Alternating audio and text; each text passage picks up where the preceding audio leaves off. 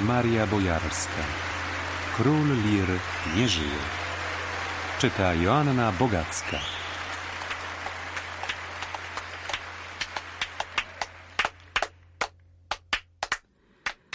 Mówiono przy mnie o Tadeuszu najróżniejsze rzeczy w najróżniejszy sposób.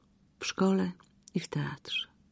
A to któryś z profesorów, opowiadając o tajnikach sztuki widowiskowej, nie mógł się powstrzymać od aluzji do pewnego wielkiego aktora, któremu zachciało się władzy. A przecież władza ze sztuką pogodzić się nie da.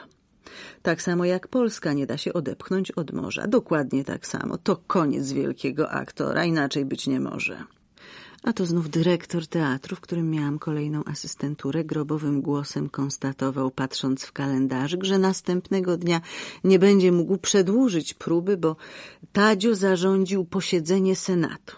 Tak, tak właśnie konstatował. Nie po prostu mam jutro posiedzenie Senatu, a byłoby to całkiem naturalne, skoro dyrektor teatru był jednocześnie nie tylko reżyserem, ale i dziekanem PWST, lecz z podkreśleniem, kto tu jest winien. Tadzio zarządził, więc Tadzio jest winny. To jasne. Tadziowi zachciało się władzy, więc Tadzio przestał być wielkim aktorem. To oczywiste. Studenci też mówili, nie mogło być inaczej, ale co ciekawe, w ich opowieściach i opiniach nie było jadu. Raczej trwożny podziw. Ktoś opowiadał o potwornej awanturze, jaką rektor urządził w związku z jakimś uchybieniem. Ryk był tak straszny, że z pianina, bo awantura miała miejsce przy pianinie, spadła filiżanka. Raptus i histeryk. Ale co za głos!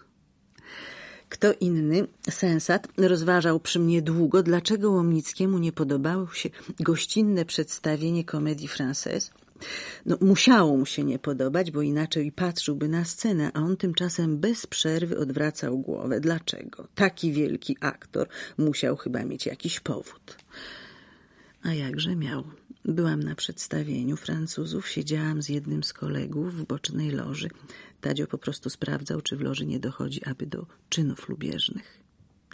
Jeszcze kto inny opowiadał przy mnie o pobycie w Stanach Zjednoczonych. Prezentowany tam warsztat dyplomowy warszawskiej PWST odniósł niebywały sukces. Było po prostu wspaniale.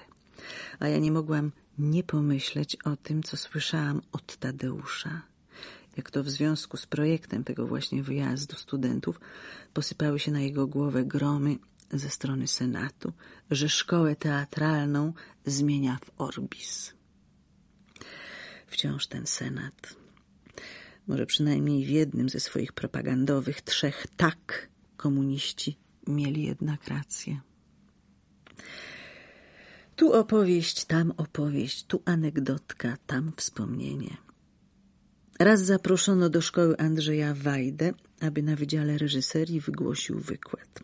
Zebrała się masa ludzi Andrzej Wajda, nie wiedząc, że jest wśród nich kochanica wielkiego aktora, powiedział o nim studentom kilka rzeczy. Zaczął od tego, o czym później nie jeden raz jeszcze miał wspomnieć, że reżyserii nauczył go Tadeusz.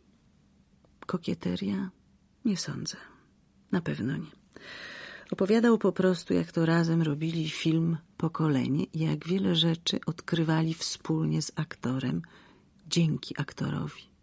Opowiadał o scenie, która do filmu nie weszła. Gorzej, nie tylko nie weszła, ale została zniszczona. Taśmę, na której ją nagrano, wyrzucono do śmieci. Nikt już jej nigdy nie zobaczy. Była to scena, w której filmowy Stach, grany przez Tadeusza, otwiera worek, zwykły parciany worek należący do filmowego kostka, granego przez Zbyszka Cybulskiego.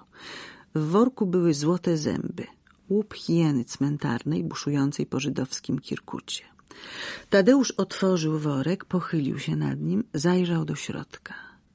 I z jego twarzy, z wyrazu jego twarzy, widz dowiadywał się o zawartości. Było to, opowiadał Wajda, coś po prostu niesamowitego. To przekazanie twarzą w ułamku sekundy ohydy ukrytego w worku towaru, makabryczności, zbrodni z tym związanej i oceny tej zbrodni arcydzieło.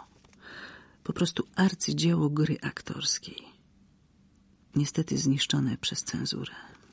Znacznie później opisał tę scenę również Kazik Kuc, który był asystentem Wajdy przy pokoleniu.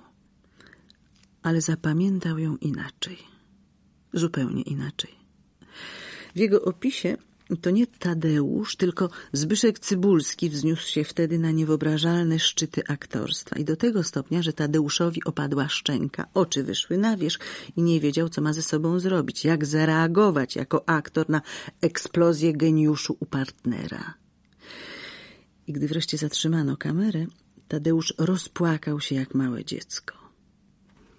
Komu wierzyć? Reżyserowi, według którego w worku były żydowskie złote zęby, czy asystentowi, któremu w pamięci pozostały odrąbane głowy Żydów. Zwięzłemu opowiedzeniu, co w tej scenie zagrał Tadeusz, czy entuzjazmowi widza, który najwyraźniej tego dnia kibicował Cybulskiemu. Robił rzeczy, których nikt nie był w stanie przewidzieć. Stanęliśmy w zachwycie, zapominając o wszystkim. Choć zlitował się i nad Łomnickim, a jakże, podpowiadając mu, co powinien uczynić. Powinien mianowicie jako Stach wyciągnąć rewolwer i chcieć zastrzelić kostka. Jedna rzecz z całą pewnością jest prawdą. Po tej przyjacielskiej radzie niewątpliwie Tadeusz wrzeszczał, bluzgał i pomstował. Ale to przecież bez znaczenia. Tak już jest, że jednego aktora lubi się bardziej, drugiego mniej. Jeden zachwyca, inny nudzi. Nawet ten sam aktor w tej samej roli tego samego widza może raz powalić na kolana, a kiedy indziej potwornie zdegustować. To zależy od dnia, od nastroju, samopoczucia, temperatury powietrza, ciśnienia. Metafizyka to także ale w poznawanym przeze mnie teatrze było dziwnie mało metafizyki. Raz pewien aktor zaprosił mnie na drinka. Tak, właśnie tak, bo to był prawdziwy Europejczyk. Choć aktor polski. Gawędziliśmy o tym i o owym niezbyt raźnie, bo nie była to olśniewająca osobowość. I nagle zaczął mówić o Tadeuszu.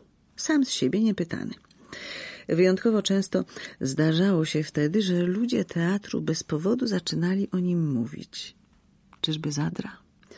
Sączyłam drinka i słuchałam monologu przystojniaczka, który do historii teatru przejdzie na pewno jako bohater figla, jakiego spłatał mu skąd inąd w Królu Lirze świetny partner Józef Nowak. Przystojniaczek miał tam do powiedzenia po skreśleniach w tekście jedno jedyne zdanie. Nie wiem, co mam odrzec. Kawał polegał na tym, że w momencie, gdy nabierał powietrza, aby to powiedzieć, Józef Nowak pokazał na niego i uprzedził go perfidną zaiste kwestią. Nie wie, co ma odrzec. I rzeczywiście nie wiedział.